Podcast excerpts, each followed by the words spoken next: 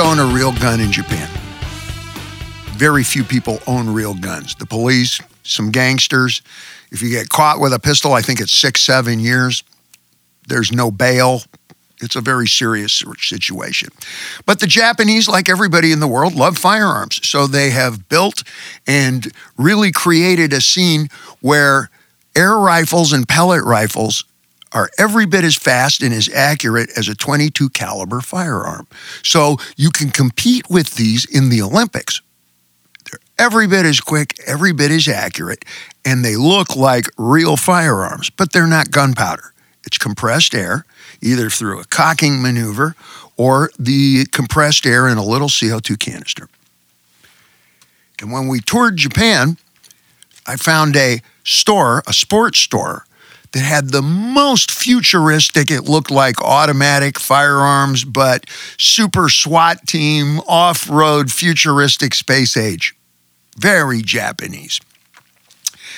And it shot pellets that were every bit as strong, focused, and accurate as a 22 caliber long rifle, like I shot in the Boy Scouts or like I shot at the YMCA camp up at Bluff Lake when I was 11 years old. And all of us in the band bought one, disassembled them, put all the parts in different parts of the luggage because it looked like real guns. And of course, we look like you know Hell's Angels at the bar mitzvah. So everybody at customs just started laughing before we even got off the plane. And we brought them back to the United States, completely legal. They're air rifles, and we put them to great use in the Sportatorium in Florida. Hallandale, Florida, Kendall, I think it is. Uh, about an hour outside of Miami is one of the most famous places that's not there anymore. The Sportatorium with the corrugated roof on top. It held, I think, 12,000 people, and virtually every major classic rock band that you can think of performed there. I opened for Journey and Black Sabbath in that building, ZZ Top, Fleetwood, it's endless all of us played the place. And it was right down the highway through jungle-ish, Evergladesy kind of undeveloped, you know, Florida in the late 70s. And there was one Holiday Inn, two stories, a U-shaped Holiday Inn with maybe a hundred rooms and a swimming pool in the middle of the U shape, out in the middle of nowhere like a slasher movie. And all rock bands and their road crews stayed there all the local fans knew that. So it was a race. We would always stabilize and get a block of 40 rooms, and all the rest would be fans and groupies and supporters and guests for every band that played there. So management was incredibly elastic, very, very tolerant. And in these days before internet, they didn't even have cell phones, okay? So you could Roth your room. Yes, I am a verb. You could Roth your hotel room and word doesn't get around. You pay for it. And, you know. There was some spilling. We were celebrating something. I'll replace your rug. I'll replace the bedspread, whatever. We brought our brand new Japanese pellet rifles with us, played the show at the Sportatorium in Miami, a very successful show. I remember they brought my 90, she's, I think she was 95 year old grandma. They had bought her some brand new, I think they were Nike tennis shoes that were several sizes too big for her. And she left halfway through the show, demanded to leave because she thought the volume was going to shake her bones apart. Came backstage to hello, I love you, darling. I love you, darling. She was like Auntie M out of Wizard of Oz. I love you, darling. Pinch my face and everything. And halfway through the show, I said, What happened to Grandma? At the end of the night, oh, she became, the volume was going to shake her bones apart. So she took off. We adjourned to the Holiday Inn, and previously that day, I had sent out my security guard. We didn't call Eddie Van Halen Eddie, we called him Vard. That's because his mother used the Dutch expression or Dutch, uh, the way she said it was Dutch. Et wat, et wat, and we would call him Vard. My security guy's name was Ed, and we called him Big Ed. So I wasn't with Vard, I was with Big Ed, and I sent Big Ed into the Coconut Grove for the afternoon to buy every flash cube, every light bulb, and what else did I have him get? I forget what it was, but every flash cube and every light bulb that he could find. And after the show, at the Miami Sportsatorium, we all adjourned. We had 40 rooms, all of the top second floor balcony. And this was a hotel that was built like in the 50s or something, very old and creaky with a lot, a lot of charm.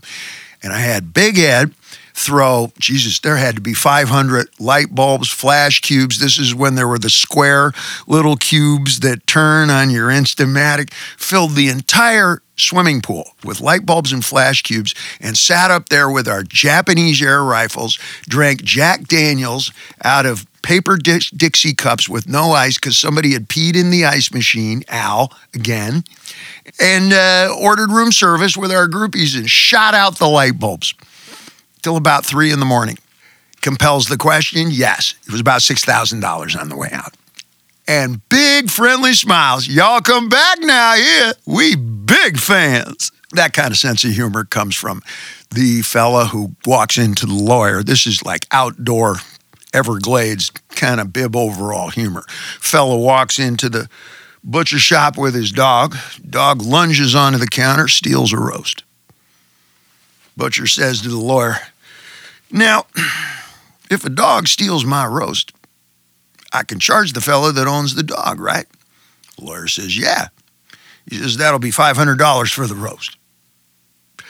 Lawyer peels the dollars out of his wallet without a sound, pays him. Two days later, Butcher gets a letter in the mail. Says, Canine legal consultation fee, $12,000. Y'all come back now. Real soon. Roth Show. We finished playing in Rio de Janeiro. And I says to Big Ed, my security guy, remember Ed Vard is how Ed's mom called Edward Van Halen. So we always referred to Ed as Vard. And my security guy was Big Ed, who's from Brooklyn. He's from right across the street from the fucking uh, Pitkin Avenue cab stand, you know, in the Goodfellas. Like literally, Benson fucking hurst. but he's, you know, he's rock and roll. He's security. And uh, I said to him, Ed, we're flying from Rio de Janeiro to Miami. You know what? Why don't we stop and let's go camping, maritime camping, starting in Manaus on the Amazon River? And without a blink, he goes, Fucking A, I've always wanted to go to Africa. It was the beginning of greatness, and history awaited few weeks later, it's full moon. We're in the middle of nowhere. We're in the middle of the Amazon, and I mean, we haven't seen another human being in eight days. 10, 11 o'clock at night. Nothing, nothing, nothing, and a canoe goes by. This is like the Twilight Zone. Ed, huh? Ed, huh? I mean, you're in hammocks, right? Ed, did you hear that? Hmm, hmm. I just saw a canoe go by with a little outrigger. Tiny, like they're rowing. I swear to God. I saw eight people in that fucking canoe. No fucking what? Now, you know, roll out of the hammock, you know, and I roll out, and it's a few minutes later, another canoe goes by. Haven't seen anybody in a week and a half. And then another canoe goes by, and another. All right, well, this is as clear as daylight to me. They're going to a party. There's a function at the junction. They're taking it to the streets. I can tell from the hum of the ocean. And somebody had feathers in her hair. Well, in our boat, the Marcia, we were dragging a little canoe behind us. You may have seen a picture of it. It's just a hull with a rooftop and some stanchions that hold up the roof to keep the rain off of your hammocks. That's basically it. We commandeered it from the harbor in Manaus. So Simply went up to the boats and went in fractured Portuguese. Hey, you guys going about four weeks up the river to Iquitos? Might take six, depending on the weather. We had no idea what we were doing, which was glorious. I got in a lot more trouble. I like the old me better. Ignorance for me was bliss. Anyways, we were dragging a little canoe behind us and we pile in. Big Ed, this little skinny kid we had it as an interpreter, and two of the boat guys. There's guys in shorts. I don't think they actually own shoes or shirts. And we take along some tapes, some of my cassette tapes.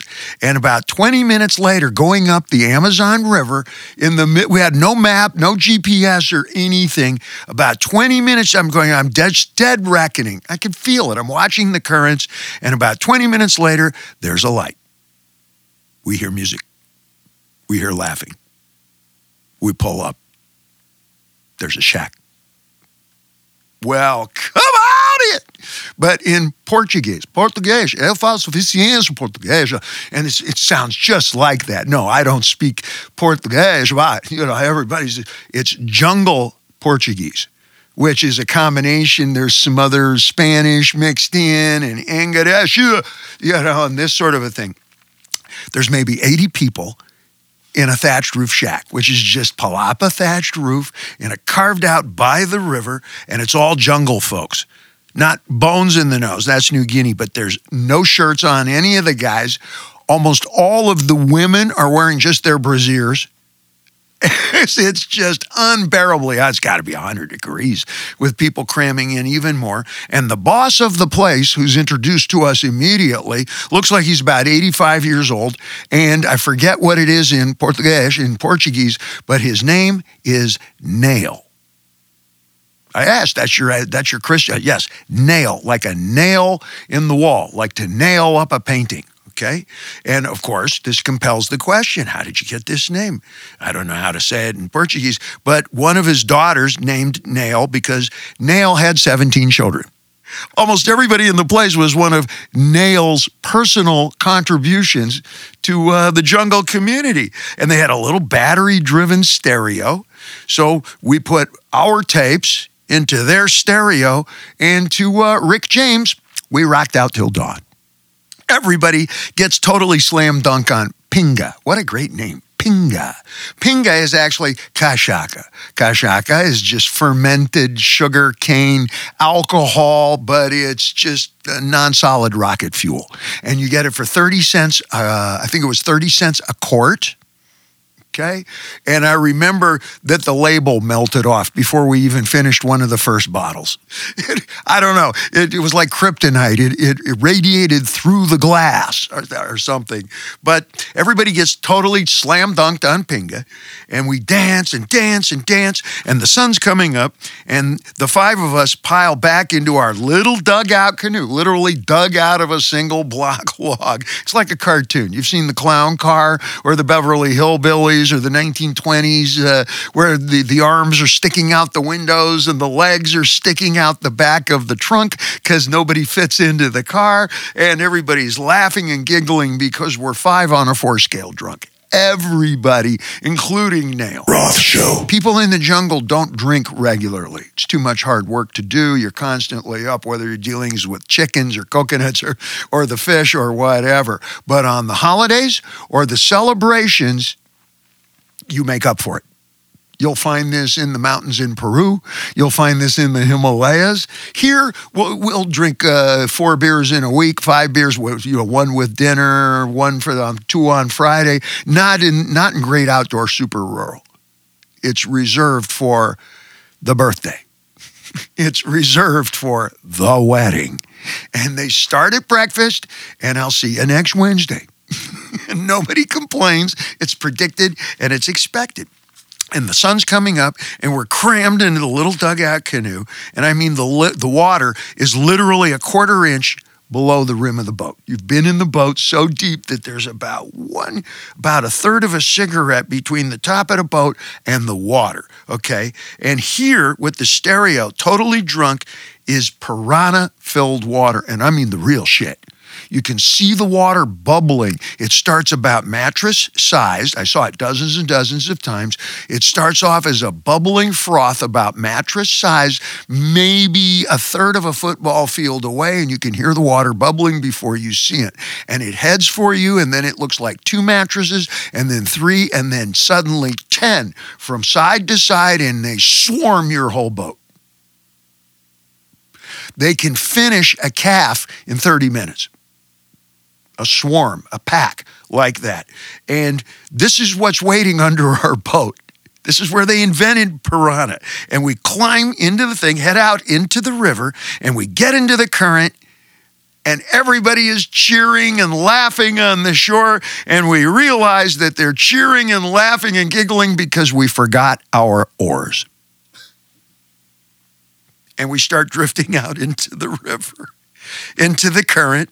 And everybody, of course, is stomping and laughing and hitting their thighs. And we're drifting sideways in the slow current. And they're holding up the, the oars and laughing and cheering. I see it like yesterday, like Kodachrome.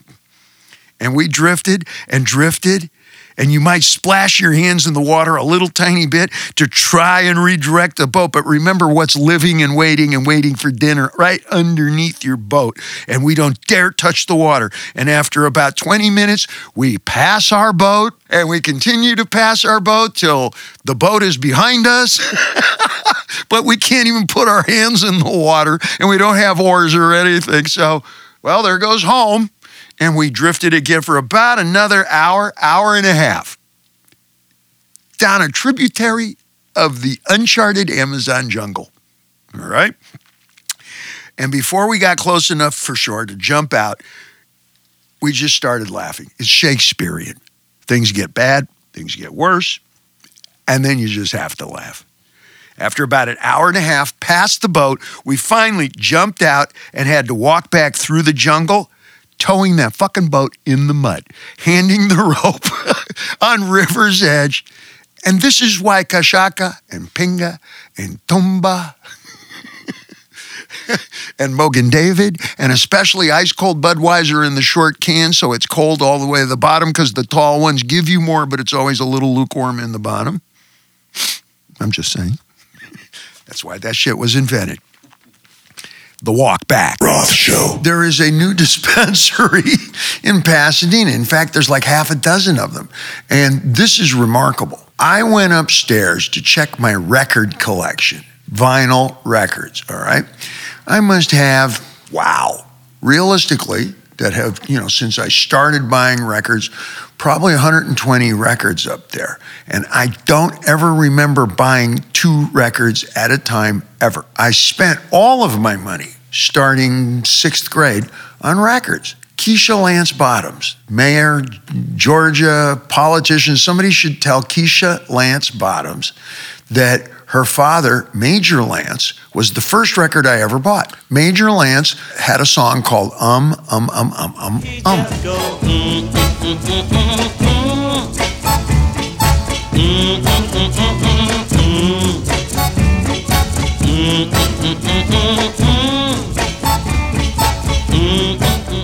Springsteen knows this time period, this kind of soul power tune, whatever. Walking through, and then on the other side of the record, it was called Monkey Time. There's a place where the people go. I don't know how it started. And you'll hear in the backgrounds all of that orchestration music. It sounds a lot like Bruce. And I am sure he is vividly aware. This goes along with a lot of the material that he has filtered into his sound. I understand that his new record references a lot of this. And uh, I raked leaves all summer to earn that. It was $1. And I had to, you know, 1963, the very first record that I ever bought, Major Lance. Um, um, um, um, um um, That cha cha beat was used by all the Beatles and you know all the British bands were imitating that. The Northern Soul sound was that boom cha cha boom do do do do do do do da those drum beats are called turnarounds, and you played air drums with the turnarounds.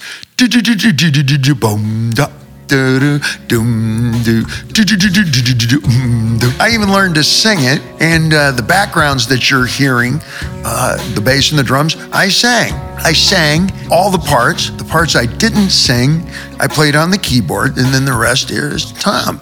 Tom, high dig. I don't know. What are you about 20 summers and a thousand years younger than me? Something like whoa, that. Whoa, whoa, whoa. Something like that. Whoa, whoa. Is this interview over? Yeah. And so, you know, you, you get the ultimate super best of classic forever and uh, a vivid view of the future. I'm just scat singing, blues man. By the way, I'm thinking of my blues name. You know, blues name, you know, the blind lemon. Or this. I'm thinking of Honey Boy Roth scat singing and uh, playing on the keyboard and the acoustic guitars, but that's only half the battle filtering it through the super digisphere beyond the curtain of space, the trackless void of my imagination, somehow interpreted burst mode a la uh, there's Tom slaving over a hot and steaming processor, toiling. we used to record on four and eight track tape, mouse ears, I used to call them, the two, the two reels, a TEAC, whatever. And uh, the only thing that was hot and steaming was uh, Roberta, who was in charge of the commissary. Ah, Roberta, I can see her leaning over the stove, preparing snacks for the visiting band. But I can't see the stove. Roth Show.